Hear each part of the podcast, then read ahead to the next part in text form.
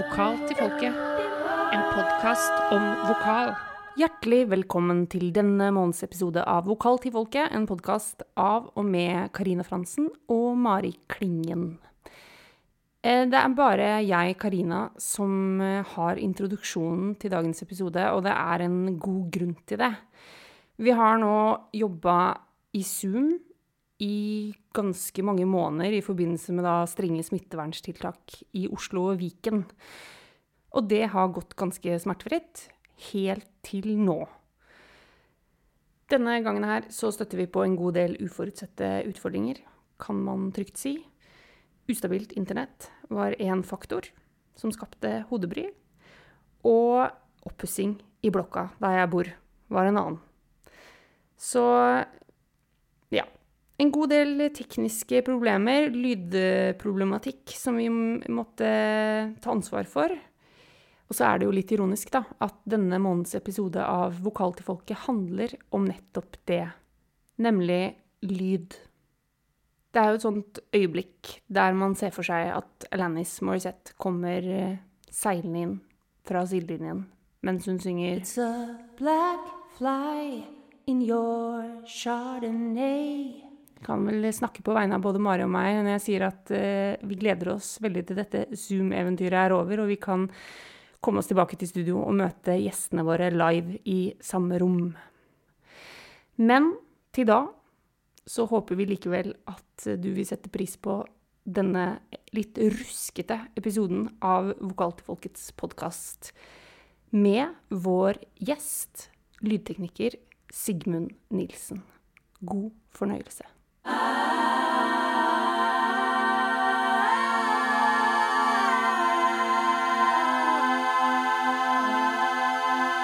Hjertelig velkommen til oss, Sigmund. Tusen takk for at jeg får komme på besøk. Veldig, veldig stas. Altså, nå er det jo sånn at eh, jeg kjenner jo deg fra før, eh, men det gjør jo ikke nødvendigvis våre lyttere her. Så kan ikke du starte med å fortelle litt grann hvem du er, og hvordan du begynte å drive med lyd? Ja, det kan du gjøre. Sigmund heter jeg. Nilsen til etternavn. 25 år, sier vi. Jeg tror det. Kanskje det er 24. Nei, 34, mener jeg. Ho, ho, ho. Å ja, ja, ja. Ja, ja, nei, nå. Uh, uh, ja. Um, hvordan jeg begynte med lyd? Du, um, jeg, jeg gikk på uh, Blindern et- etter folkehøyskole. Eh, og der drev man jo med musikk på musikkvitenskap. Spilte trommer, da. Skulle bli trommeslager i rockeband. Det var liksom drømmen. Eh, det er det vel egentlig fortsatt. Men eh, så syns jeg lyd var veldig spennende, og drev en del med det i studio og sånn. Og så var det, var det et sånt samspillokale hvor det var konserter hver uke. Og så trengte man en person til å styre lyden der, og så ble det på en eller annen måte meg, da. Eh, Så det var min spede begynnelse eh, på en analog Mackie-mikser. Ikke sant. Så er du liksom eh, i hovedsak selvlært, på en måte? Uh, Nei, jeg vil ikke si det, egentlig. Altså, hvis selvlært uh, betyr uh, ikke lært det på skole, på en måte, selve livelyd-biten, så, så er jeg kanskje det. Men jeg føler jo at jeg har blitt lært opp av folk jeg har jobbet med hele tiden. Så jeg er absolutt ikke Det er ikke noe jeg har funnet opp sjæl. Det er det ikke. Men det er vel også, det med å drive med lyd er vel også en slags prosess, på samme måten som det å bli en god sanger. At man må jo jobbe med det over tid, ikke Absolutt, sant? For å bli god. Mm, helt enig. Ja. Eh, Du går på jobb og, og, og eh, snurrer Nei, eh, hva heter det? Eh, Kveiler kabler. Eh, Og det er så lenge siden jeg har vært på jobb. Så jeg har Ja, det er rart med det. Em, så du begynner med det, og så etter hvert så bare får du, uh, får du mer og mer ansvar, og, og lærer mer av de som har holdt på lenger. Så det er veldig erfaringsbasert uh, um, et veldig erfaringsbasert yrke, da. Som jeg syns er veldig flott. Jeg er veldig glad i akkurat det. Um, for det er en kunnskap som jeg setter veldig pris på, da, som på en måte går, går litt i arv da, fra de du jobber med.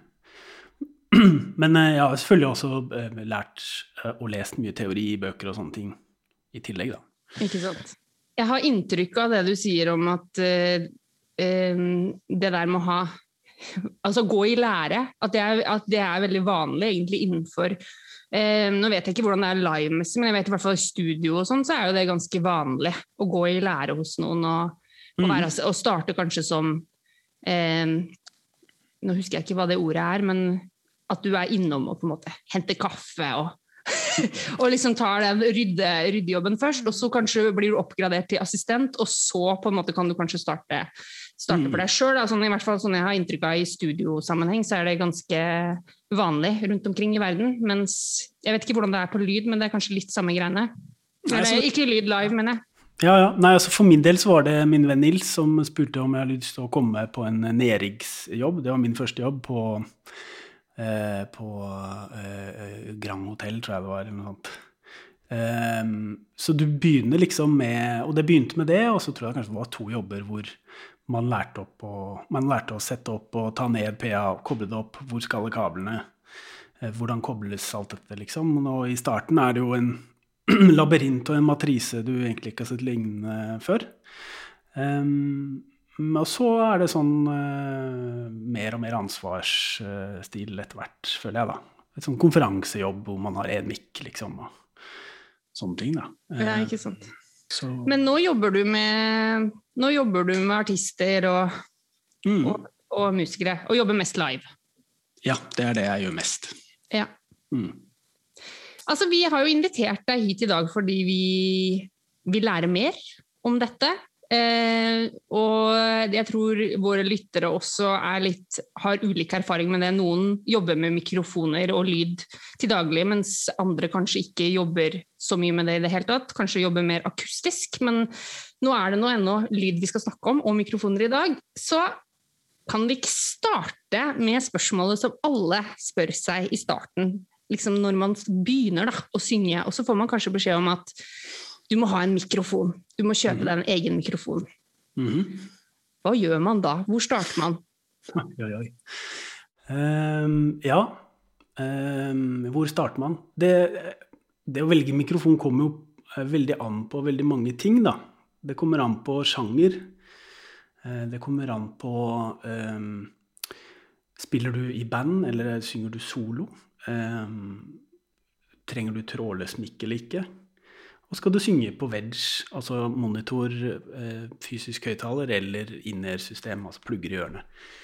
Eh, alle de tingene her er, er, med på, og burde være med da, når du velger en mikrofon. Um, og så er det jo den biten om uh, hvilken mikrofon er best til hvilken stemme. Um, så det, det, er liksom um, Hvordan velge mikrofon? Book deg en time med en erfaren lydtekniker. Eh, og be den personen ta med drøssevis med mikker og test. Eh, og så kan, eh, kan, du da få litt hjelp til det, da, tror jeg. Det kan være smart. Går det an å bukse, liksom å bukse inn hos en random lydtekniker og, og, og få hjelp til det her? Ja, absolutt. Altså, du kjenner antageligvis en lydtekniker eller noen du har studert med, eller kanskje noen som kjenner noen. Det tror jeg absolutt er en veldig smart ting å gjøre, fordi ehm, ja. Eh, veldig ofte på eh, musikklinja eller på folkehøyskole så kommer jo det her spørsmålet liksom, du må, du må ha en mikk. Og da er det jo Da har man kanskje ikke så mange kjente eh, enda på en måte i bransjen, fordi at man, man er ikke i den sjøl. Og da, eh, da, føler jeg at de fleste som da går på eh, en musikkbutikk, da får en SM58 hivd etter seg. Eh, og og det, det, er nå én ting vi kan snakke om, men så en annen ting som jeg opplever når jeg har sendt studenter og elever på musikkbutikk, så når de skal prøve mikrofon, så er det altså da, da får de prøve det på headset uten noen mulighet til å justere med helt, så, helt, flat EQ, og alt høres jo egentlig ganske dynge ut da. Uh, og jeg syns, det her vet jo ikke du kanskje svaret på, men hvorfor, hvorfor er det sånn? Hvorfor kan, ikke, hvorfor kan man ikke få prøve det ordentlig hvis man går på en musikkbutikk? Hvorfor må man være gitarist for å få lov til å gjøre det? det er et veldig godt poeng. Det burde jo være sånn at eh, det burde være et rom hvor man har mulighet til å teste akkurat det du snakker om. Da. Det syns jeg er en veldig god idé. Burde du starte kanskje en avdeling på Forsound og tjene penger? Vokal til folkets vokalbooth! Ja, absolutt. Ja, men jeg mener det, altså. Hvis man skal bruke masse penger på mikrofon, liksom. Mm. Ja, nei, det er veldig, veldig sant. Um, hvis jeg måtte velge en mikrofon, uh, så ville jeg på en måte kanskje valgt en arbeidshest som jeg vet mange her kjenner. da, Mange lydteknikere kjenner. Det er uh, Shure Beta 58A. Den kjenner stort sett alle, uh, og, og, vet hvordan den låter i, i f.eks. monitor, da, og i, i PA-systemet som lydteknikeren stiller. da. Ehm, jeg kjenner den mikken såpass godt at jeg egentlig kan stille EQ før lydsjekk, og jeg vet at da er jeg på 80% ferdig. Fordi den har visse trekk som på en måte Som jeg liker og ikke liker. um, så hvis det Men den mikrofonen er, er på en måte en arbeidshest, eh, men det er ikke sikkert den er riktig for deg, liksom. Så den er jo f.eks. ikke riktig for meg. Nei, det er jeg enig i. det er du enig i? Ja. ja, for det, det, er jo den mikken som de fleste teknikere som ikke kjenner meg, har lyst til å gi meg hvis jeg Det er jo ikke så ofte kanskje at jeg kommer på jobb uten mikk, men uh, hvis jeg gjør det, så er det ofte den jeg får utdelt. Og så sier jeg den tror jeg kanskje vi skal gi til noen andre. Mm. og så sier de nei, det tror du blir den. Så sier jeg ja vel, hvis du vil deg selv så vondt, sier jeg. Og så setter vi i gang, og veldig ofte så kommer de tilbake, og så sier de den gir vi til noen andre. Ikke sant? Men kan du da på en måte, Nå snakker vi om dette fordi vi skjønner jo litt hva det her handler om, men kan du si noe om hvorfor er Altså, hva er det som er ulikt med mikrofonene? Hvorfor er det noen som passer til enkelte og ikke? Hva, mm. hva, er, det, hva er grunnen til det? Um, nei, altså Det handler jo mye om hvilken type uh, klang stemmen din sender ut.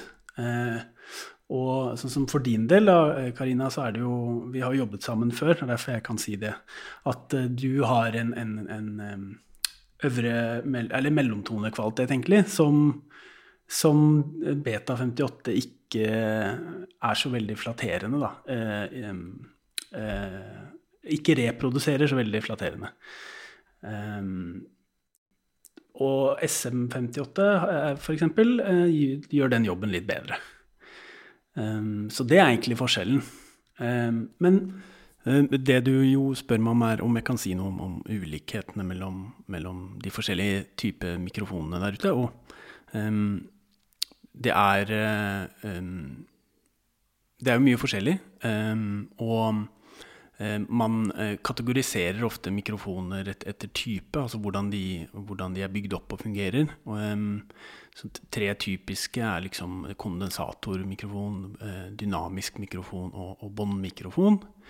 Um, og eh, forskjellen mellom de er egentlig bare hvordan de plukker opp lyden som kommer mot de. Um, og hvordan den um, interne elektronikken er bygd opp, da, på en måte. Um, en av de trenger strøm fra miksebordet, kondensatormikrofoner, for at de skal fungere. Eh, de andre to trenger ikke det. Eh, hvis eh, båndmikk får strøm, så kan den gå i stykker, faktisk. Så, så det, det, det, er viktig å vite hvilken type mikrofon man har med å gjøre, da. Men utover de typene så har man forskjellig type karakteristikk da, på mikrofoner. Og det er kanskje, i tillegg til det, hvordan den låter med din stemme, så er kanskje det med karakteristikk det viktigste. Fordi den sier noe om hvor i eh, posisjon rundt mikrofonen eh, den plukker opp lyd eh, best. Og, og, noen mikrofoner som, som, har kuleform, de plukker jo opp lyd rundt hele seg eh, og foran og bak og til siden. og og fungerer um, som et sånn 360 graders lydkamera. Um, og det fungerer jo ikke nødvendigvis veldig bra til, til, eh, til monitoring på, på, en scene. Um, da blir det jo ofte det som, som heter feedback. Uh, da piper det, og, og, det er ikke noe hyggelig. så har vi noe som heter åttetallsmikk. Den heter åttetall fordi den plukker opp lyd i et åttetall, altså forfra og bakfra. Og så eh, oppstår det også en kansellasjon der, da. Eh, liksom første karakteristikken vi har som, som har, har, har eh, lydutfasing på, på, på, noen områder. Og, og, det har man jo begynt å bruke eh, for å på en måte kunne gi mer monitorlyd eh, til en person på en scene eh, ved å velge en, en, riktig type karakteristikk. Så de karakteristikkene som brukes mest eh, på livescenen, eh, er, er, er, det som heter eh, nyre, eller cardioid på engelsk. Eh, supernyre, eh, eller supercardioid, og, og, og hypercardioid, eller hypernyre. Eh, hvor, nyre da, er, er, den, er den bredeste. Eh, det fungerer litt som et sånt vidvinkelkamera, type sånn panorama på telefonen. Eh, mens eh, supernyre er 16,9 og, og hypernyre er 4,3, på en måte. Eh, eh, hvis det ikke ga noe mening, så er det bare altså Det, det er smalere og smalere da, for hver super og hyper. Um, og, og det det på en måte gjør, er at jo, det plukker opp mindre lyd fra siden. Um, og det er jo med på å bestemme hvor mye lyd som faktisk kommer inn i mikrofonen som ikke er den vokallyden som man ønsker å få inn der, da. Um, så det har ganske mye å si uh, uh, for hvilket eh, mikrofonvalg hvert fall jeg gjør, da, når jeg velger mikrofon til, et, eh, til, en, til, en, vokalist. Selvfølgelig i tillegg til uh, at det skal låte fint med den stemmen, da. Um, uh, en annen ting som også kan sies om, om, dette med dynamisk kondensator spesielt, det brukes veldig sjelden liksom båndmikkert live, føler jeg. Um, det er jo at um, dynamiske mikker er, eh, er, ofte ikke så på en måte oppløst uh, i lydfrekvens da, som en kondensatormikrofon er.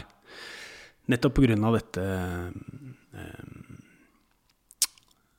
magnetfeltet og alt det der. Altså, og, og, og, før så var det ofte sånn at at, eh, at kondensatormikker ble på en måte ikke brukt så mye til livelyd, fordi det plukket opp veldig mye støy fra, fra de andre instrumentene på scenen.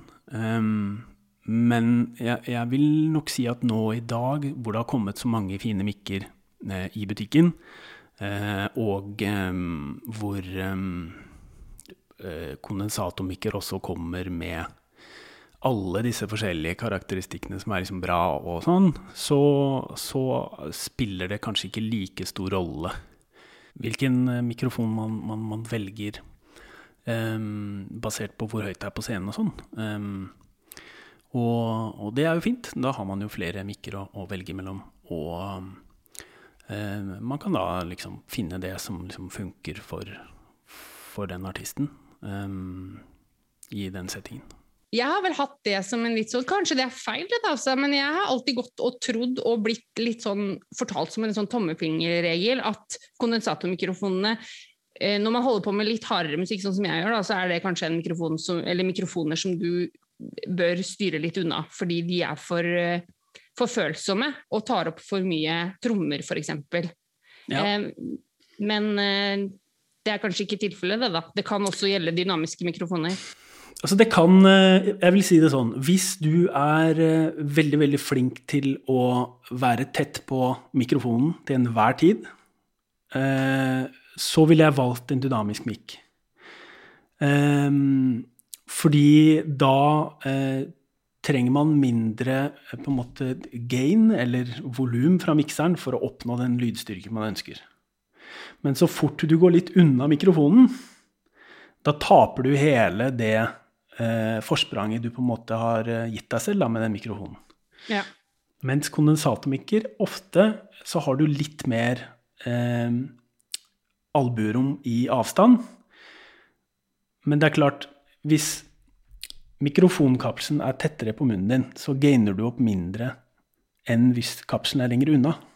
Og når du gainer opp mer, så plukker du opp mer lyd rundt deg. Det er én faktor. En annen faktor er hvilken karakteristikk av mikrofonen Er den veldig smal, plukker den opp mindre lyd rundt deg. Men er den veldig brei, så plukker den opp mer. Så um, Noen mikrofoner som er dynamiske, plukker veldig lite lyd opp fra sidene. Men det er det også nå kommet en del kondensatormikker som gjør. Så det er ikke lenger en sånn regel, egentlig. Skjønner. Jeg bruker en kondensatormikk til, til rockemusikk, på en måte, og det funker kjempefint. Ikke sant. Mm. Ja, da må jeg jo passe på at jeg eh, ikke bruker den tommefingerregelen lenger, da.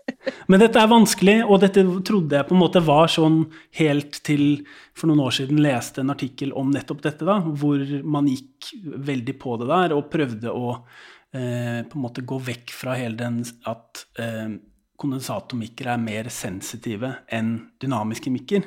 For hva mener man egentlig med det, da? Det er ikke bare sånn at hvis en mikrofon eh, på en måte er kondensator, så plukker den opp all lyden på scenen. Punktum. Det er ikke, det er ikke sant. Um, og det er derfor det kan være lurt å snakke med en erfaren lydtekniker når man skal velge mikrofon. Nettopp. Nettopp.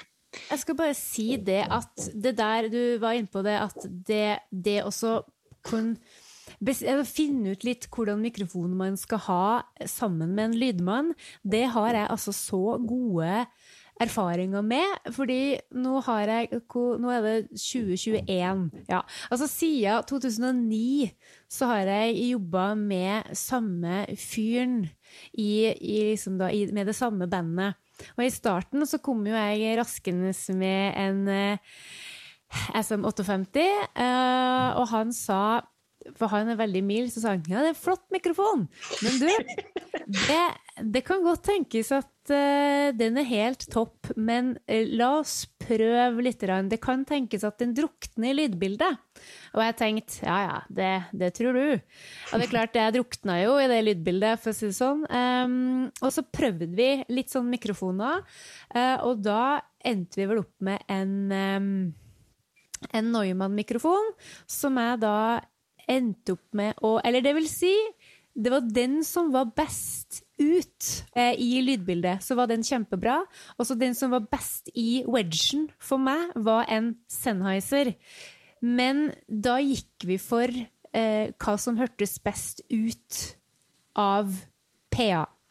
Så, så da kjøpte jeg den Neumannen da, og var lykkelig. Og så gikk det noen år, og så var jeg gira på trådløst eh, system. Og da eh, var vi på vei for å rote rundt på Sørlandet og spilte noen festivaler. Og så eh, hadde vi hørt rykter om at, at det var en annen lydtekniker som hadde forret forbi eh, evangeliesenteret i Saronsdal. Oi, dæven. Der sto det en koffert med noen mikrofoner, så vi durer innom der, tar med oss kofferten, så kjører vi til Stavanger og gjør en gig der, og da testa vi kjempemye forskjellige eh, mikrofoner, men da både rene trådløse og sånne der du på en måte mikser og trikser, så da endte jeg opp med å prøve en DPA, de facto 2, som jeg elska.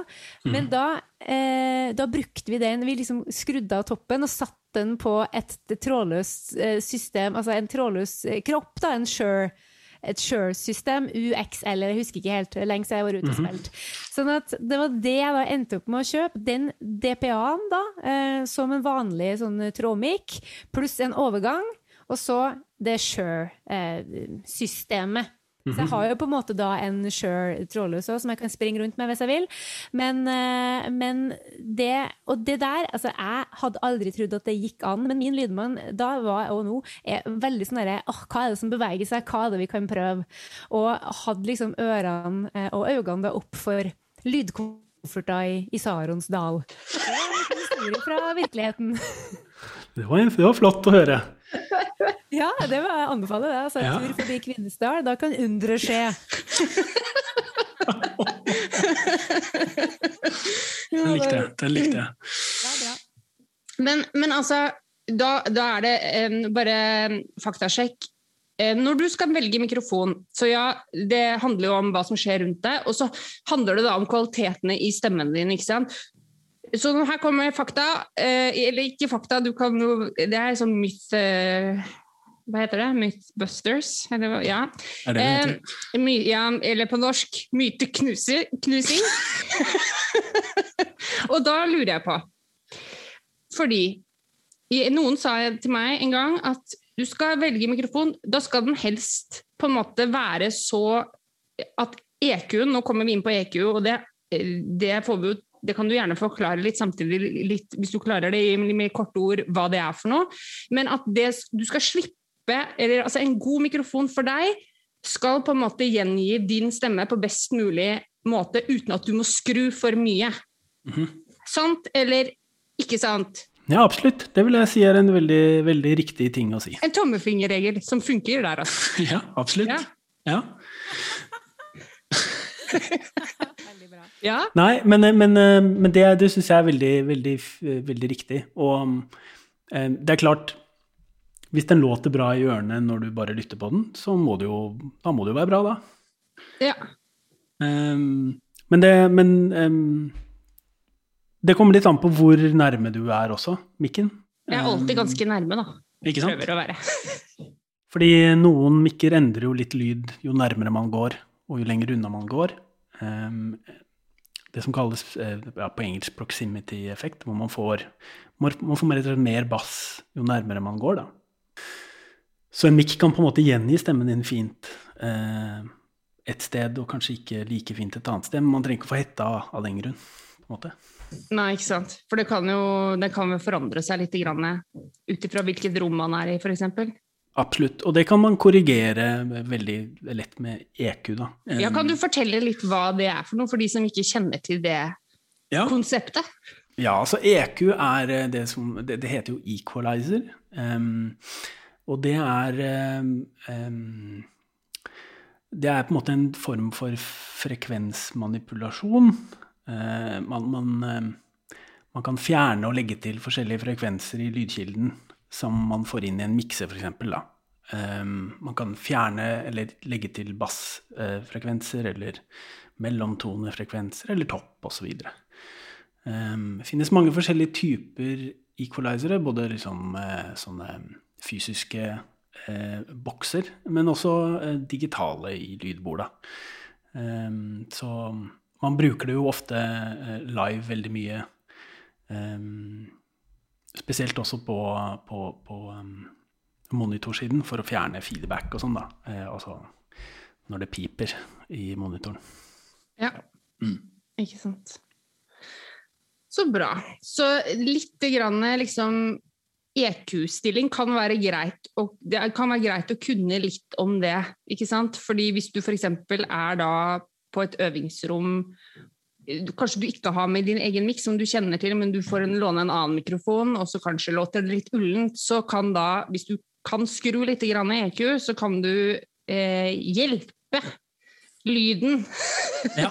på vei ut, sånn at man ikke drukner, eller man kan komme litt mer fram, ikke sant, for eksempel. Helt klart. helt klart. Jeg kan ta en liten sånn eh, ting man burde tenke på når man, man skal gjøre det. Go for it. Ja. Uh, så ofte uh, i, i livelyd så, så pleier vi å kutte uh, bassfrekvenser, altså laveste bassfrekvensene. Fordi de trenger vi ikke til så veldig mye. Og de feeder veldig ofte i PA-systemet eller i monitor. Så la oss si man kutter bass på 150 hertz, f.eks. Det kan være veldig fint. Og da, nå hopper jeg inn og sier, for det, det her for, for oss som ikke liksom er så gode på det, men som trenger en sånn quick fix, så er det jo da veldig ofte på de litt enklere mikserne som vi ofte forholder oss til, på eksempel, jeg vet ikke, på øvingsrommet, så er det gjerne ikke sant, en sånn low cut-knapp eller high pass-filter som man kan trykke på, Ja, eller skru på. Stemmer det? stemmer. Så det kan man trykke på, og da har man gjort det du nettopp sa. Stemmer. Man har stemmer. kutta bunnen, den trenger vi ikke. Bort med den. Nei, den eh, trenger vi ofte ikke. Nei. Supert, da går vi videre. Vil du bare sjekke. Ja. Og så, men, men man burde bare ta en kikk på hvor, hvor er det den knappen kutter den bassen. da. For det vet man jo. Noen ganger kan det være 100 hertz, andre ganger kan det være 80. Um, men, men det kan være veldig fint å, å bare få det rydda vekk og lage plass til andre ting som skal dit. F.eks. bassgitar, basstromme, andre ting som er bassrike instrumenter. da. Ehm, Og utover det så er det, eh, er det på en måte ting som ofte lager feedback. Eh, jeg tror det norske ordet er rundgang, men la oss bare si feedback. Altså, ja, lyden går på rundgang. Ja, ja, ja. Ja. Det er sånn det skjer, at lyden kommer ut av en, en, en høyttaler, går inn i mikrofonen, og så går den tilbake og rundt og biter seg selv i halen, og så piper det. Um, noen mikrofoner har ofte liksom en feedback-frekvens. Sånn som Beta 58 har er rundt 950 hertz eller noe sånt. Uh, den feeder alltid der først. Um, så da kan man bare fjerne det med en gang. Men um, hvis man er på øverrommet, så vil jeg bare, når man har kutta bass, så bare snakke litt i mikken og, og skru litt på knappene. Og se hva som høres bra ut. Um, fordi ofte vil man jo på en måte oppleve at uh, det som kanskje funker bra når man er alene, funker ikke nødvendigvis bra når man er sammen med et ensemble. Um, for da vil man gjerne kutte gjennom uh, gitarer og bass og forskjellige ting. Um, men ja Bare teste litt og prøve litt, rett og slett. Mm. Ikke sant. Man må trene. Ja, det syns jeg. Ja. Um, du, apropos, kan ikke du bare, fordi det var, jeg kom på den historien du fortalte en gang om, om uh, Apropos feedback, vi tar den. Vi får heller klippe den bort hvis vi ikke får tid. Men uh, kan ikke du fortelle den der gøye historien, du, for du stiller jo lyd for Adam Douglas. Kan, ja. Den gangen du, det opp, dukka opp en feed, Husker du, skjønner du hva slags historie jeg sikter til? For den er jo litt festlig. Jeg skjønner den historien, eh, eller husker den. Um, jo, uh, vi var på en trioturné, tror jeg. Um, Ruben Dalen og Geir Sundstøl òg. Uh, vi hadde med oss Wedger, da. Adam skulle synge på Wedger. Uh, og, altså monitorer. og um, jeg stilte monitorlyd og fikk det høyt og fint, og ja da, her er det, her er det bra volum. Og tok på mikken, gapte over mikken. Det er sånn teknikk man ofte bruker for å prøve å fremprovosere en sånn feedback, da, og jeg fikk det ikke til. Eh, og, og, og, det var høyt og fint, og jeg tenkte jøss, dette var jo topp. Um, og så begynner konserten, og så hører jeg liksom Jøss, det er jo noe feedback her. Um, og, og, det var ikke sånn at det peip og ødela hele konserten, men men, men, jeg hørte det, og det irriterte meg, fordi jeg hadde jo stått der. Jeg hadde jo hørt at det ikke peip, og jeg gapte jo hele munnen min over mikken, og ingenting skjedde.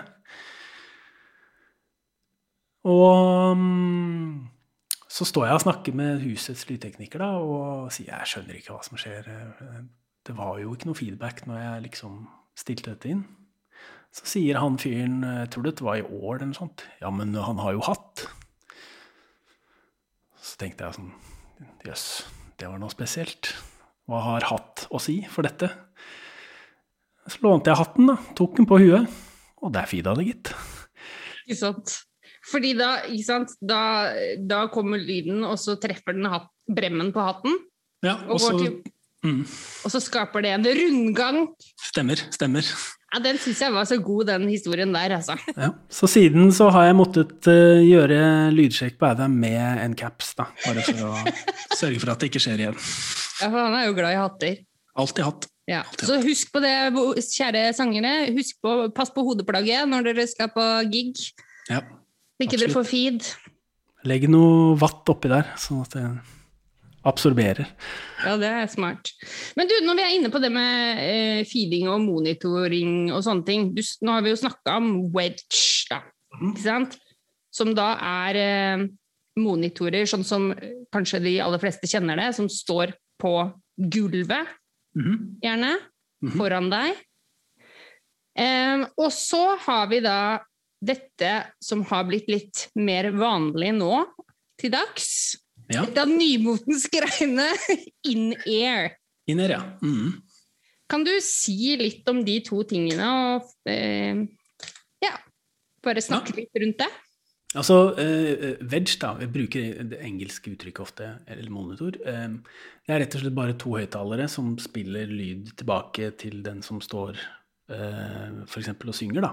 Og da får du din egen vokal tilbake til deg. Um, mens in-ear er på en måte noen ørepropper som man bruker istedenfor, som har en mottaker som får lyd eh, sendt eh, trådløst til seg, og som du hører da din egen stemme i. da.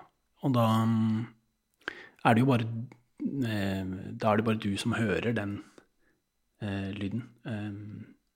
Så det er liksom de to forskjellige tingene vi, vi driver med, da. Eh, veg og inner. Man kan jo blande de to sammen hvis man vil, og ha det ene øret av. Altså ta ene proppen ut av ene øret og ha begge deler. Men det er ganske sjeldent. Um, så det er blitt veldig, veldig vanlig med inner nå. Um, fordi uh, resultatet som du som lydtekniker får ut av PA, uh, eh, er så mye på en måte bedre. Det er så mye mindre tilsølt av monitorer på scenen. Da. For det er faktisk noe man hører veldig godt. Uh, Kanskje ikke mange er klar over det, men, men, hvis et helt band står på monitorer kontra på inner, så er det en enorm forskjell i, i lyd fra scenen. Og i Norge har vi også uh, altså en volumgrense som vi må forholde oss til. I hvert fall i, i, Oslo og Akershus, tror jeg. Så jeg har opplevd ofte at det har vært så høyt at uh, lyden bare blir Det blir ikke noe bra, fordi man må holde seg under grensa. og så da blir det litt sånn spørsmål igjen hvem er den konserten her for? Er den for deg, eller er den for publikum? Ja, ikke sant. For det er jo, det er jo ikke til å stikke under en stol at det ofte at det er mange som står på den scenen kanskje, som har, som har, behov for et litt omf. Altså at man har behov kanskje for å ha høy lyd på scenen, og at mange syns at in-air-systemet ikke gir den samme eh, opplevelsen, da på scenen ja. som, eh, som, Wedge gjør. Og det skjønner, jeg, det skjønner jeg veldig, veldig godt. Eh, hvis du har gjort én ting veldig lenge, så er det en overgang å gå over til inner, f.eks. Um, men samtidig, da, la, altså det er mange positive ting med inner, i hvert fall hvis du er vokalist. Du blir veldig mindre sliten. Um, du har bedre kontroll, og du kan få mer den lyden du pleier å, Altså, det er ingen grense for hvilken lyd du kan få i ørene, egentlig, på inner. Eh, på, på, monitor så er det, da er det egentlig fint eller høyt. Det er de to alternativene man har. Eh, det kan være altså, det er ikke no, altså, Sånn er det bare. Ja, det er et veldig godt poeng. ja. Um, det er høyt. Men, uh, men, det er klart, man kan uh, sånn som, Ta Adam som et eksempel. Han er en artist som er blitt vant til å stå på wedge. Eh, og har gjort det veldig lenge. Og så har på en måte gått over til Inner og trives der nå, da. Eh, men eh, det har vært et, et samarbeid mellom, mellom oss, og, og, og, hele tiden graver etter om det er noe han ikke liker, og hva det er han ikke liker, hva han tenker og føler på eh, når han på en måte ikke liker det, da. Um, og for hans del så har det stort sett vært det at han føler at han på en måte er i, i et eget rom når han, når han, synger og spiller. At det ikke er på en måte en kontakt mellom de andre musikerne. da. Og, og det kan jeg skjønne veldig godt. Eh, så da har vi, vi, har, vi har noen rommikker som står rett foran hans eh, mikrofonstativ. Som er eh, mikker som plukker opp like mye bakfra som forfra. Eh, og de mikkene har han i ørene, da. Så, sånn at han skal ha følelsen av, av på en måte å stå på wedge når han står på inner. Um, eh, det finnes også ørepropper eh, støpte, tror jeg, som kan, eh, hvor du kan ha et filter, hvor du kan slippe gjennom akustisk lyd. Så det kan også være en løsning. Um, mens det med trøkk og sånn, det kan jeg på en måte delvis forstå, fordi at du får jo fortsatt trøkk fra PA-systemet. Det spiller jo fortsatt, og det føler du og kjenner veldig, veldig godt. Um, så jeg vil, si det er, ja, jeg vil si det er mer teknikk da, eh, knyttet til det å stå på og synge på wedge enn det er på inner. Det er mye mer tilgivende, da. Ja. Men også mer avslørende. det er i hvert fall ofte det jeg føler når jeg synger med inner, at, at liksom ja. Det, men på godt og vondt, da, som du sier. Man blir også mindre sliten. Men det er også avs mye mer avslørende. Men for deg, eller for For, for meg. Ja. Men er ikke det en god ting? Jo, det er jo det. Det er jo det. Det er jo bare jeg som Jeg vet ikke.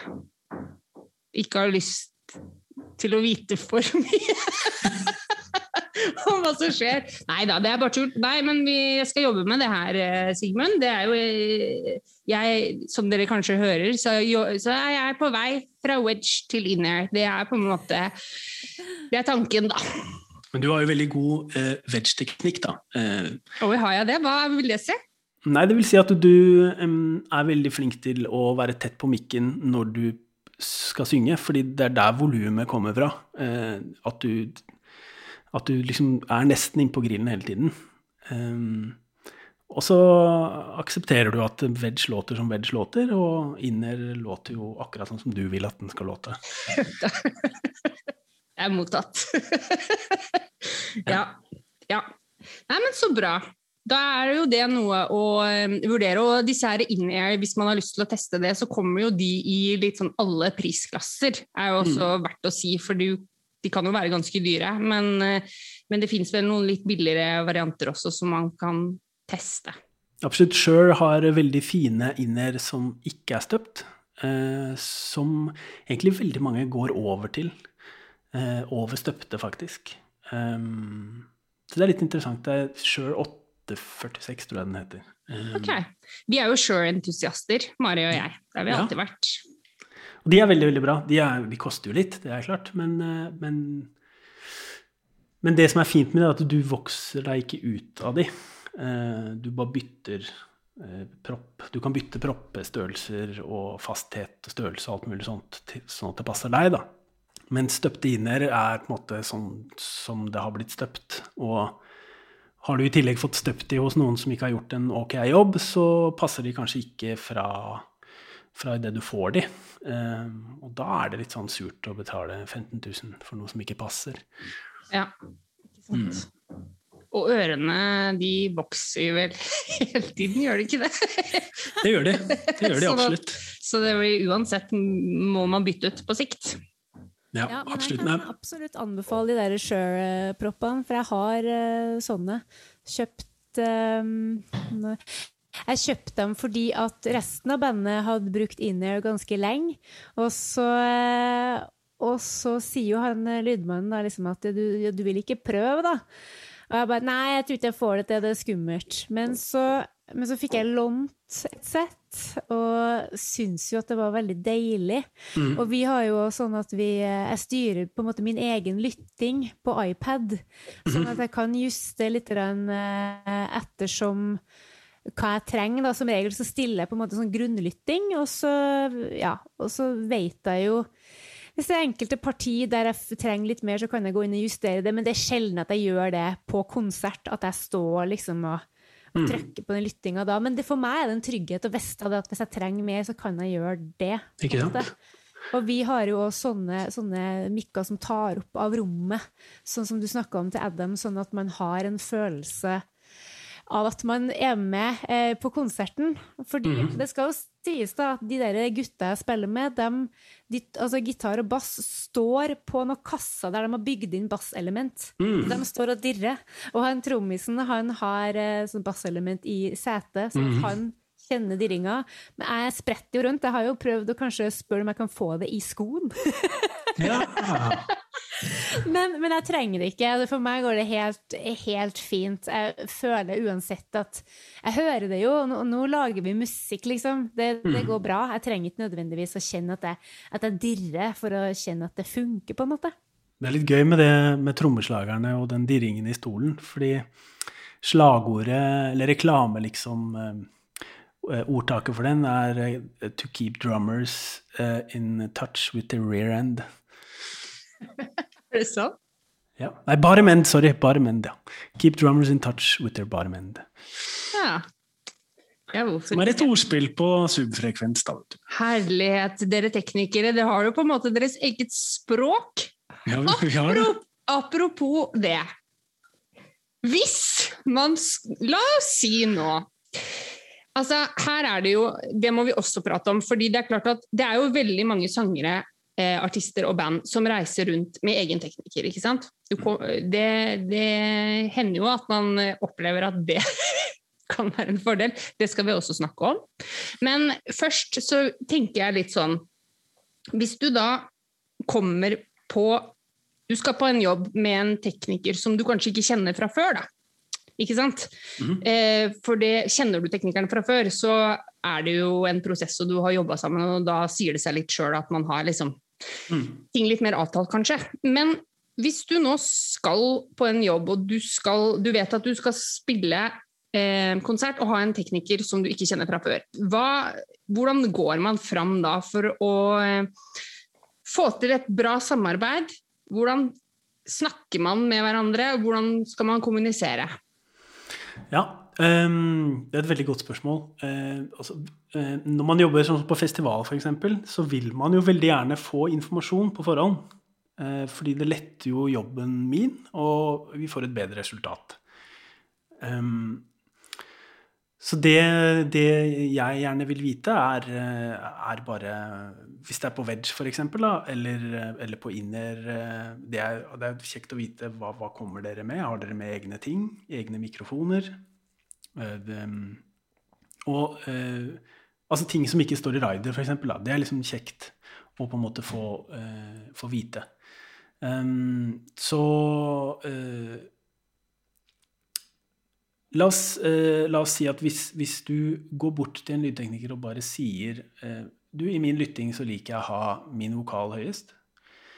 Og så liker jeg å ha eh, f.eks. litt klang, og så en miks av alle de andre instrumentene. Eh, så er det utrolig lett å jobbe med. Ehm, sammenlignet med hvis man ikke eh, har den informasjonen. For da må man bare gjøre det man tror er riktig, da. Um, jeg jobbet med en artist som, som på festival, eh, hvor jeg var da monitortekniker, som, eh, som sa eh, ja, du kan kutte litt 300, eh, gi meg litt 3K, gi meg litt 10K, en fin plateklang. Og utover det kan jeg bare få en miks. Og jeg bare wow, tøft. Så den, den innstillingen da, som han spurte etter, var veldig, veldig presis. Eh, og det hørtes ut som han visste hva han snakket om. Eh, og jeg bare ga han akkurat det, eh, og han var fornøyd. Var det på in-air eller på wedge? Det var på inner, ja. Ja, ikke sant? For på wedge så ville man ikke Da, da, er det ikke sant, høyt eller fint. Eh, Ja, det var det, ja. ja. Nei, men virkelig, altså. Fordi det feeder jo eh, Altså hvis, Så der kan man man ikke be om sånt der på wedge. Nei, du kan be på en måte om eh, Kan jeg få Altså, du, hva vil du ha i, i, i wedgen, da? Du vil din, ha din egen vokal. Den skal være så høyt som mulig. Ja. Um, og så er det noe annet du trenger i den wedgen. Kanskje et uh, piano som går på det i signal, for det hører man jo ikke noe sted. Men da er det igjen viktig at du kan ikke få like mye av alt, for da hører du ikke din egen vokal. Der er det en grense for hvor høyt det kan bli. Eh, et DI-signal har en grense. Det kan skrus opp til monitoren går i stykker. Ehm, så på monitor så er det mer Ok, jeg trenger vokal, jeg kan godt få litt klang, eh, og så kan jeg få litt av det instrumentet der. Og så hører du jo mye andre instrumenter rundt omkring. Du trenger ikke trommer, f.eks. Hvis Ehm, men det, men, eh, så, så det er viktig. Og så er det viktig å på en måte være konkret. Og ehm, ha tillit til at den personen som står og jobber der, vet hva han eller hun gjør. Um, uh, å ha en sånn uh, micromanaging person som skal stå og på en måte helst uh, dytte sine egne fadere, er ingenting som er mer irriterende enn det. Eh, fordi det, da, da kjenner man at det er ikke noe tillitsforhold der. Da. Og det tillitsforholdet er så viktig eh, for at man skal ha en fin kveld da, og, og levere liksom, et produkt som alle er glad i og liker å høre på. Så det eh, Hvis du har med egen mic, finn en frekvenser som du liker på inner, som du kan spørre om. Eh, hva, liksom, bare sånn generelt, da. Ikke sant? Så mye, altså 100 prosent er fint å bruke. Eh, ofte så kan en artist komme bort og si ja, jeg vil gjerne ha eh, mitt vokal høyest, og så en miks. F.eks. Eh, 70% mindre, eh, bare en god miks under med min vokal på toppen. Og så litt klang. Eh, og så skal være panna ut da, selvfølgelig. Ja. det er en kjempegod start. Mm. Ikke sant? Um, hvis den lydteknikeren som er på jobb, er, er, er, er flink, og, og, og, og, man merker det ganske fort eh, Hvordan merker man det? Hvis du får veldig mye nei, så, så, og spørsmålet er helt rimelig, det er et rødt flagg. Ja. Eh, humør også er på en måte ganske viktig hvis det bare er en sånn sur person som står og ser på mobilen sin fremfor å følge med på om eh, artisten trenger noe. Det er et annet flagg, da. Um, altså det er dårlige folk, og det er bra folk. Man kommer jo ikke unna det. Men en god start da, er å på en måte være hyggelig og ydmyk og eh, anta at den personen som skrur lyd, kan det den driver med. Eh, for da, da blir alle glad, og så er det lettere å få et ja når man spør om noe etterpå. Mm. Opplever du at eh, sangere er eh, eh, mindre presise på sine ønsker enn andre instrumentalister er? Her er det lov å være ærlig. altså, ja, både og, vil jeg si, altså. Men, men det er i, i en sånn festivalsammenheng spesielt, da, så er det La oss si det er syv personer på scenen som alle skal ha endringer til enhver tid. Da er det eh, ekstremt vanskelig å jobbe med, med noen som ikke kan på en måte uttrykke seg presist om hva de ønsker. Ehm, så, så ja. Noen ganger er det, er det, er det tror bare eh, en vei å gå før man kommer dit man egentlig vil. Da. Eh,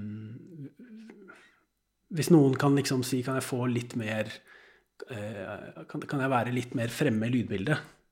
Det er, det er på en måte en tydelig kommentar, for da vet jeg, jeg vet hva jeg skal gjøre da. Ja.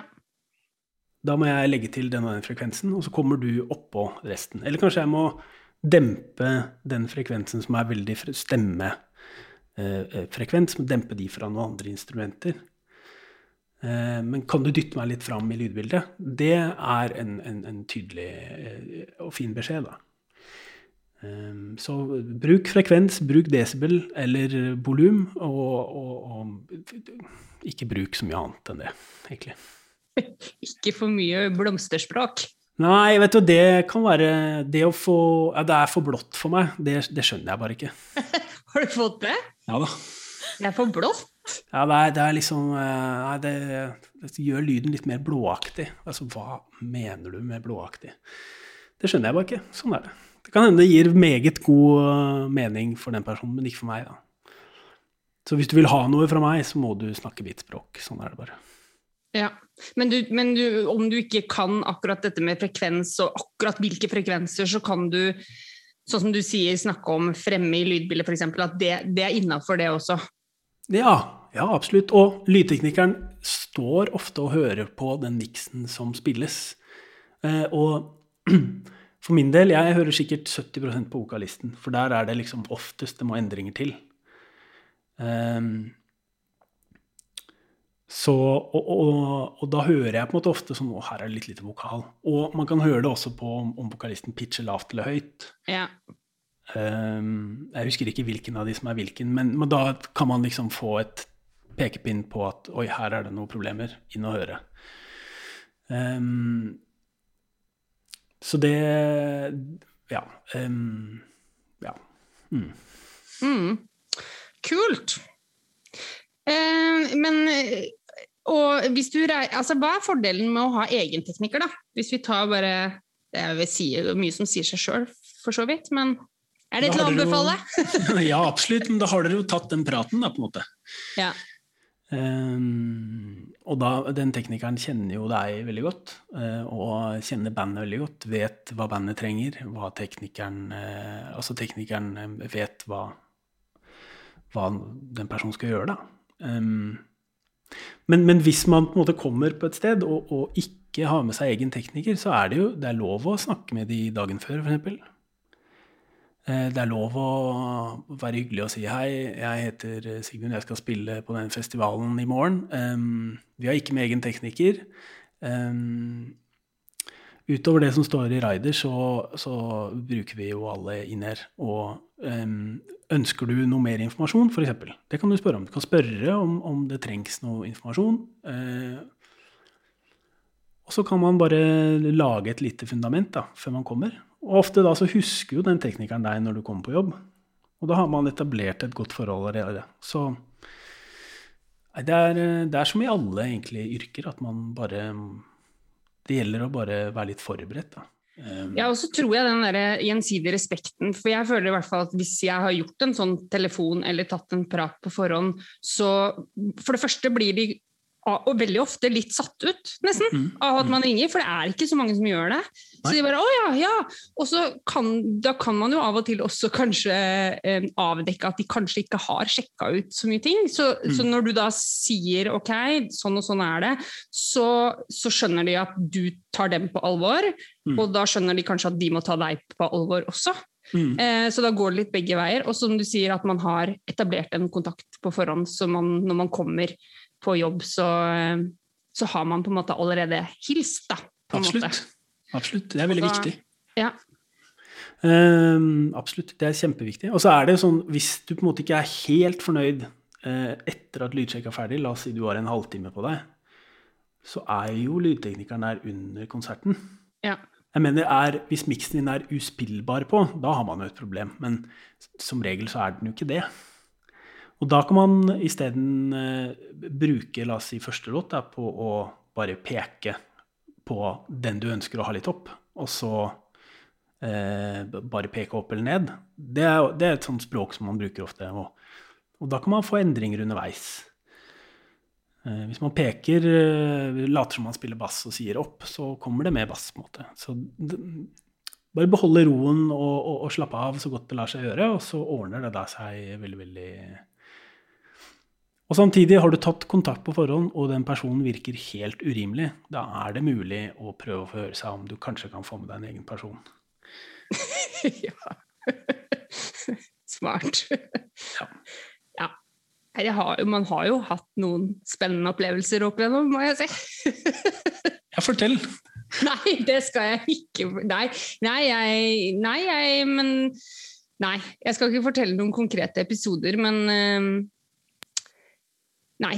Altså, jeg har hatt spennende opplevelser, og det har du sikkert du òg, altså med musikere. Og jeg har hatt spennende opplevelser med teknikere.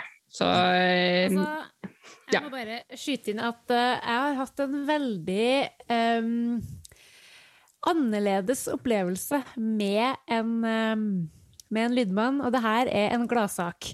Ja. Jeg husker, uh, uh, det, det, det, her skjer nok ikke så, så ofte, men uh, jeg var på en sånn type eventjobb der vi Altså, jeg husker egentlig ikke helt hvor det var hen, men det regna. Og vi står der og spiller, og så, og så var det en lydtekniker der som uh, skrudde lyd, og det var god stemning. Og så, og så skal vi spille eh, den derre 'Glory of Love' med Peter Sutera. og så står jeg og synger, og plutselig merker jeg at jeg har, jeg har noe på kinnet. Skjønner ikke hva det er. Men så er det, er det en lydmann som vil synge duett. Nei, men i alle dager. Er det verste jeg har hørt.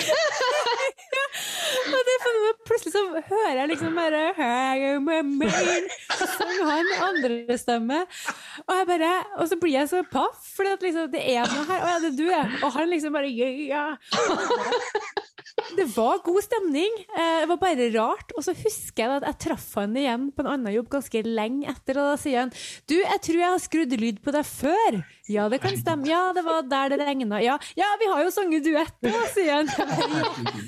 Ja, det, det var ikke jeg helt klar over at vi skulle, men ja, det var en god, var en god opplevelse. Men du, du pleier ikke å gjøre det?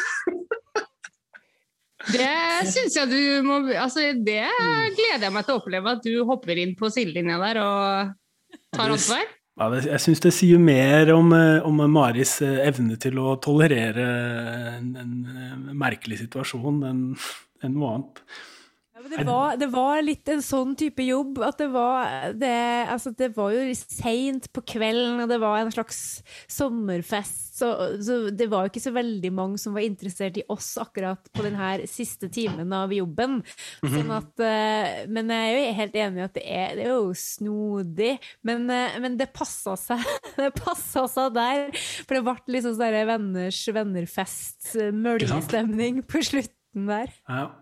Wow. Det er, eh, det er en helt episk historie. ja, jeg kom på det nå, liksom, at oi, det her må jeg jo fortelle om. Ja, Men hvem er det som ikke eh, kan altså Man kan jo ikke dy seg når det er Peter Cetera. Man må jo bare Nei. hoppe inn, tenker jeg. Det tror jeg jammen jeg hadde gjort òg. Ja. Kom igjen, liksom. Ja. Jeg, har hørt en historie om en lydtekniker som eh, En venn av meg, da, som eh, eh, Jeg skal ikke nevne navn. Men eh, det er altså en, en lydjobb hvor det kommer en vikar da, på, på, på trommer, og så eh, på, en, eh, på en låt så, så er det plutselig noe helt sånn sur og fæl sang som eh, som, som skjer, da. Eh, og denne trommeslageren lurer på jøss, hva er det som foregår nå? Eh, og dette fortsetter bare og fortsetter. Eh, og da er det lydteknikeren da, som har skrudd på sin egen mikrofon og muta da eh, vokalistens mikrofon i, i inner da, eh, til trommeslageren, og har sunget sjøl, da. Eh, vil... Ja, men med, Altså Nei, nå ble jeg helt klarer ikke å snakke. nei, det var en sånn vikar, eh, vikar eh, da, kan man si. Ja, ok. Ja, jeg skjønner. Ja, så det var ikke ut? Det var bare i Det var ikke ut, nei. Nei, Nei, nei. jeg trodde det var ut! Å ja, nei visst, nei. Nei, vi muter! Ja, her er det jeg som skal ut og skinne! Nei da, nei da. Men lydteknikere som synger, det er, det er noen videoer av det på, på, på nettet. Altså. Jeg kan anbefale noe. Hans Petter Vadstein, en flott duett eh, på juleturné som, som dere kan eh, se på Så kult. Ja, vi legger gjerne ut sånne linker på vår eh, Ja, det er eh, med Helene Bøksle, tror jeg. Flott duett. ja, nei, så gøy! Ja da. Og det er fantastisk. Sorry, Hans Petter. Ja, ja. Det tåler han sikkert. Men du, eh, en ting som jeg eh, kom til å tenke på at vi må snakke om, som vi ikke har snakka om ennå. Eh, for nå har vi jo snakka om mikrofon, ulike typer mikrofoner, men vi må komme inn på mikrofon, altså mikrofonteknikk. Mm. Vi må snakke litt om det. Altså, Ja. eh, Og det skulle vi kanskje starta med litt tidligere, før vi har eh, liksom gått videre. For det er jo veldig basic, men det må vi snakke om. Hva, hvordan bruker man en mikro... Hva, altså do's and don'ts. Ja. Ehm, hvis du synger lavt, gå tett på. Hvis du skal synge høyere, gå litt unna. Um, da slipper man å komprimere så hardt. Um, hvis uh, du synger i et høyt band, et rockeband, ikke gå unna i det hele tatt noen gang. Ehm, og hold deg til en av de to. Ikke veksel mellom de to. Uh, og til teknikkene, da. Uh, fordi man stiller ofte inn kompressor og EQ og alt mulig på den lyden som man holder eh, på med, så da er det fint å bare ha liksom konsekvent stil, da. Uh, og så er det i- noen miljøer veldig populært å cuppe mikrofonen. Det vil si holde hånda over grillen, Um, fordi jeg vet ikke, det ser kult ut kanskje. Eh, men det har en veldig innvirkning på lyden, eh, i negativ forstand.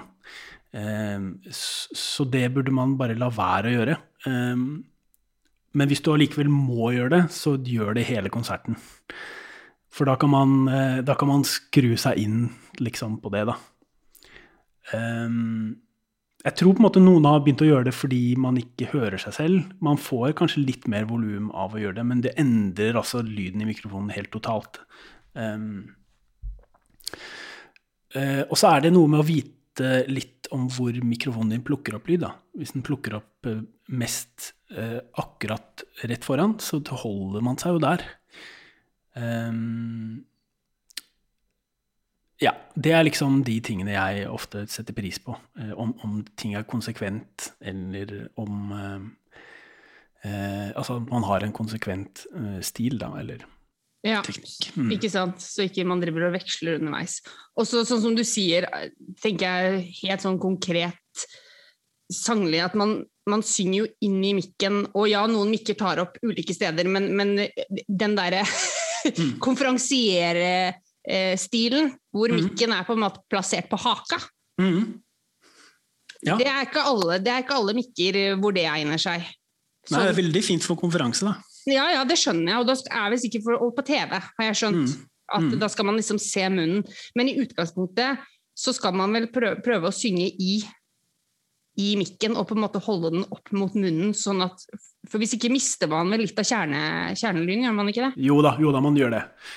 Men, men, det, men det, det er liksom mitt eh, eh, forslag. Men samtidig så må man også ta det eh, under eh, consideration, i mangel på norsk uttrykk for det.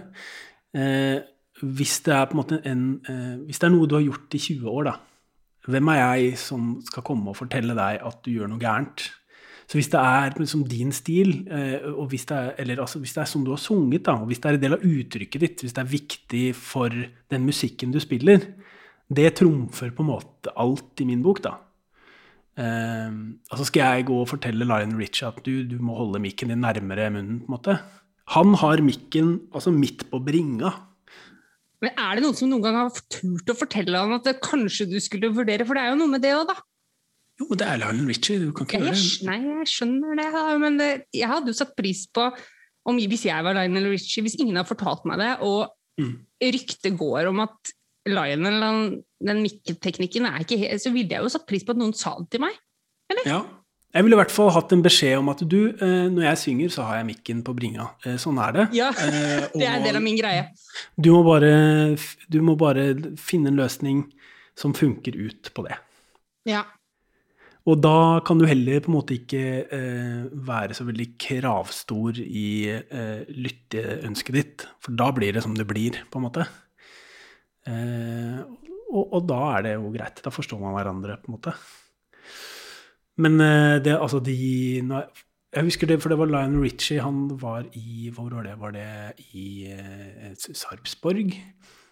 Hvor lydteknikeren, når de hadde vokalprøve uten Lionel Richie, liksom, så drev de og sjekka mikken mens den altså var altså, Hvis du holder liksom hånda rundt navlen, på en måte Der sjekka de vokallyden med en, en SM58 da, på liksom ja, Litt rett ovenfor navlen, da.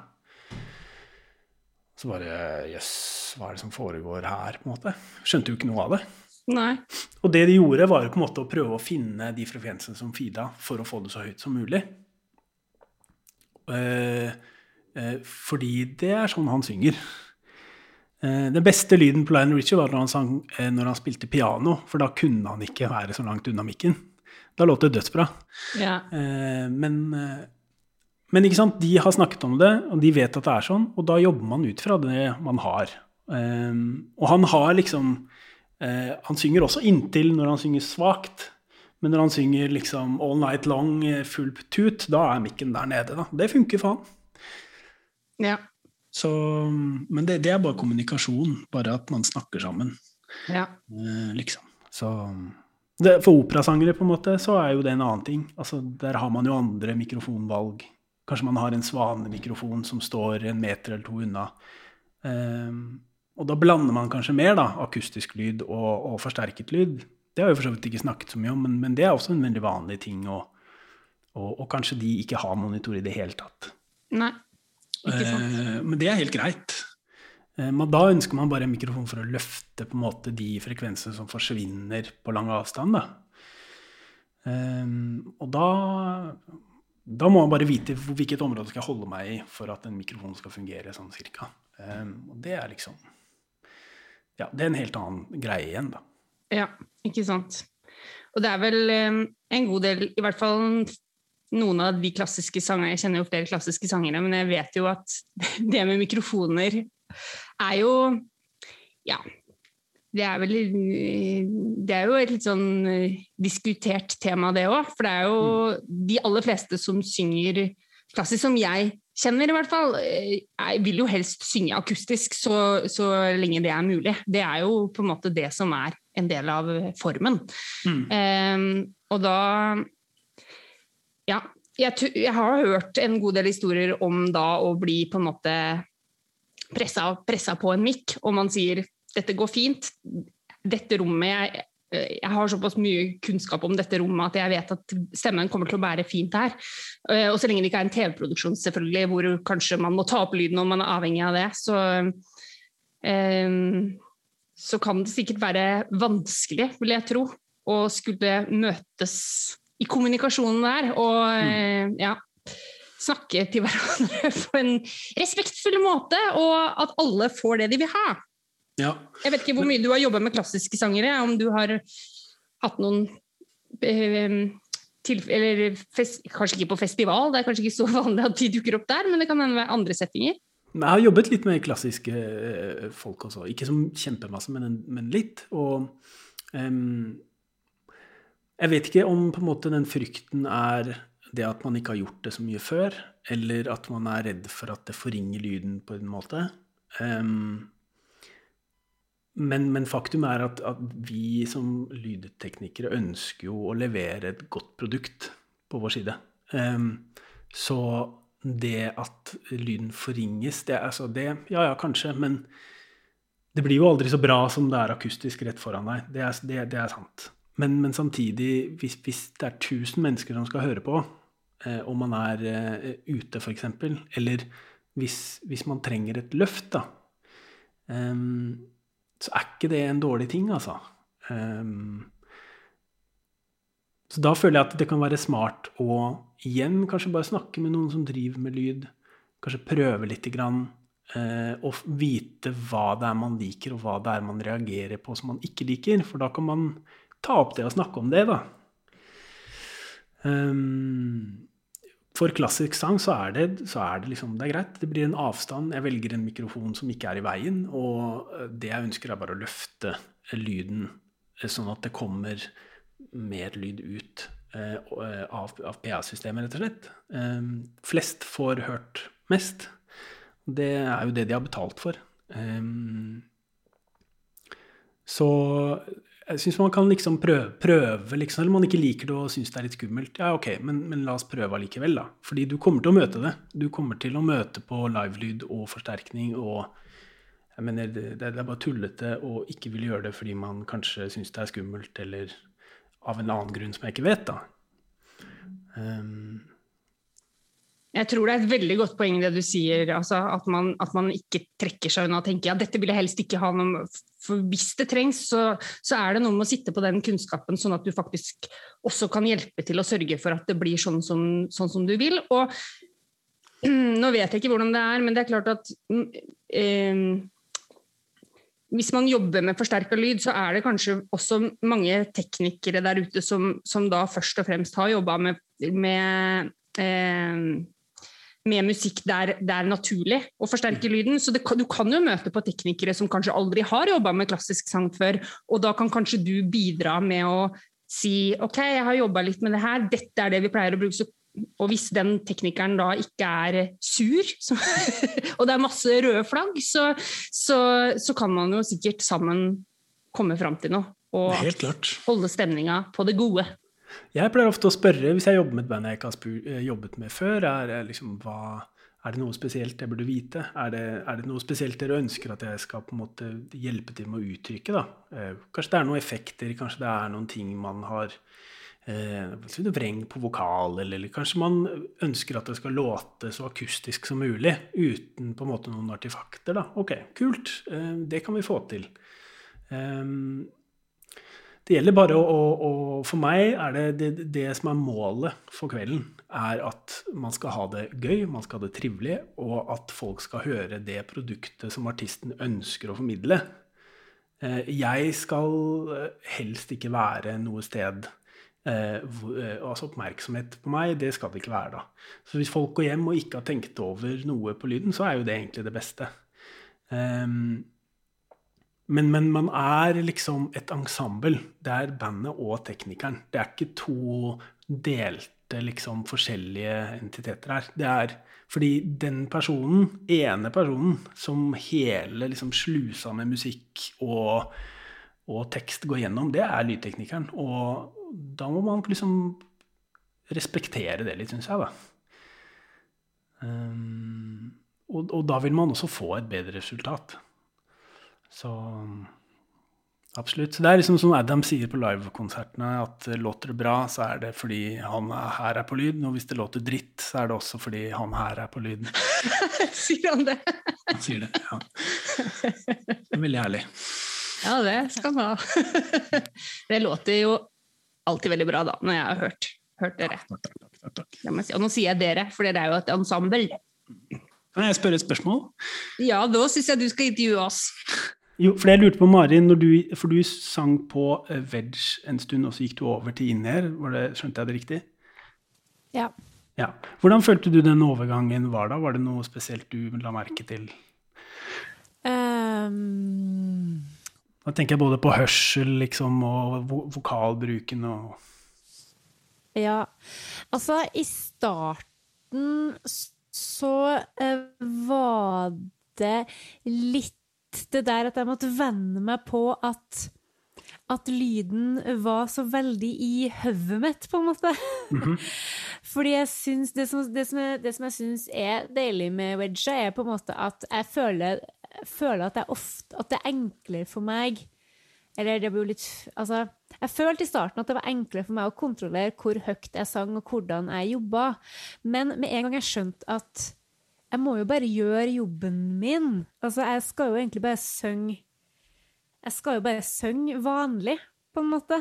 Eh, og så tror jeg nok at jeg var litt redd for at jeg ikke skulle blende godt nok inn, men det er jo Altså, jeg må jo på en måte gjøre min jobb, og så må jo da lydteknikeren eh, Det er jo han som på en måte setter med litt sånn det siste kortet, da. Hvis jeg gjør min jobb, så gjør jo han sin, og da, da blir det jo bra. Hvordan løste dere det med i, i hodet-følelsen du hadde da? Jeg tror det hjalp litt når jeg skrudde jeg skrudde opp den derre rom, romlyden, på en måte. Sånn at jeg følte litt mer Men så tror jeg kanskje jeg skrudde jeg skrudd meg sjøl litt lenger ned, på en måte.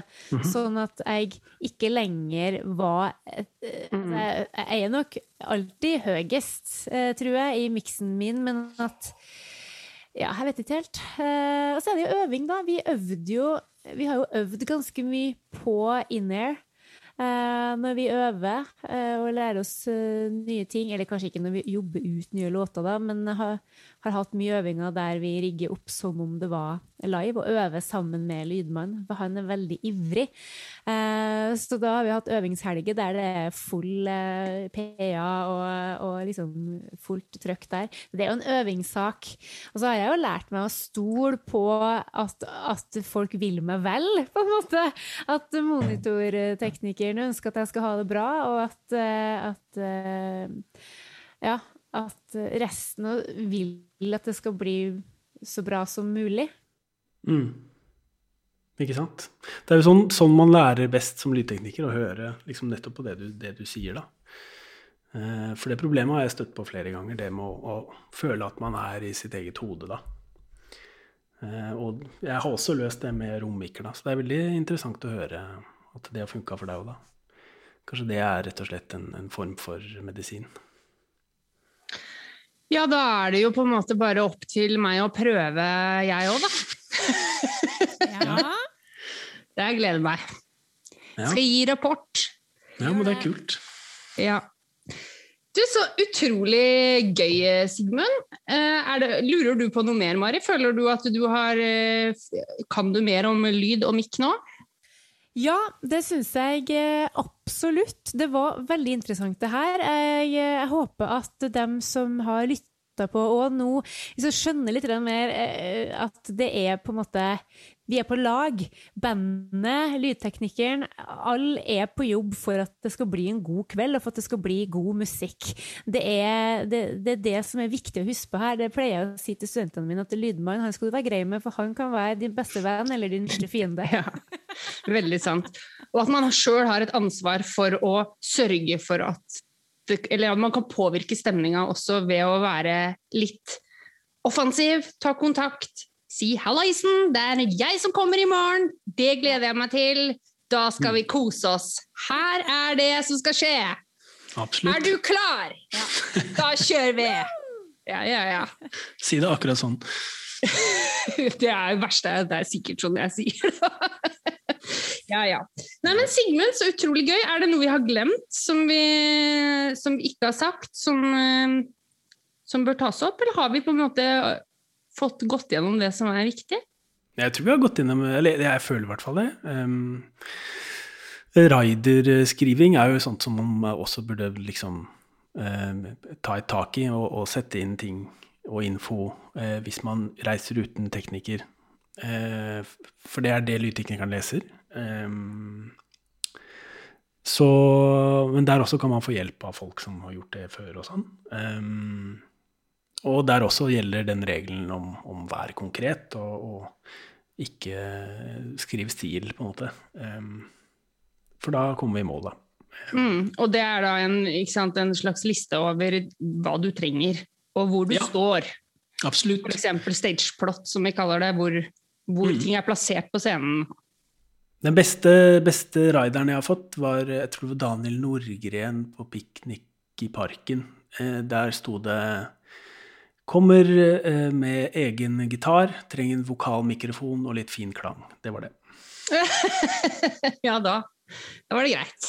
Ja, det, fordi det, da skapte han en uh, tillitserklæring til meg om at uh, dette er det jeg trenger, resten fikser du. Og det, vi ble venner, og, og det ble en fin konsert, da.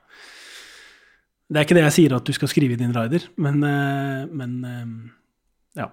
Eh, det er et fint dokument da, til å i hvert fall kunne formidle ting. Og der kan du også skrive ta gjerne en prat med tekniker. Ring meg gjerne på dette nummeret, eller ring festivalen eller stedet og snakk med den personen. Og, og, og da merker man fort om dette går bra eller ikke, tror jeg. da. Ja. Veldig bra tips, altså. Og så har jeg ja, ikke sant? Og så har jeg et lite tips på slutten, og det er um, Når vi har snakka om mikrofoner, så er det jo viktig å huske på at selv om det fins hippe, kule, freshe mikrofoner, så kan man ikke gjemme seg bak dem. Shit in er shit out. Det har jeg lært av, av en kompis. Det er, det er veldig, veldig flott sagt. Ja. Så det tenker jeg var egentlig det, var det ikke det?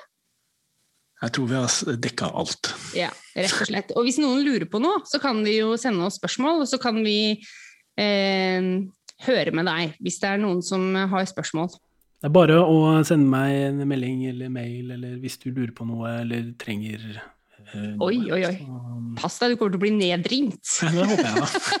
du håper det? Ja, men kanskje man kan booke deg til sånn eh, Dersom man trenger en tekniker som, eh, for å hjelpe å finne mikk, så kan man eh, ringe og booke deg. Mot betaling, selvfølgelig.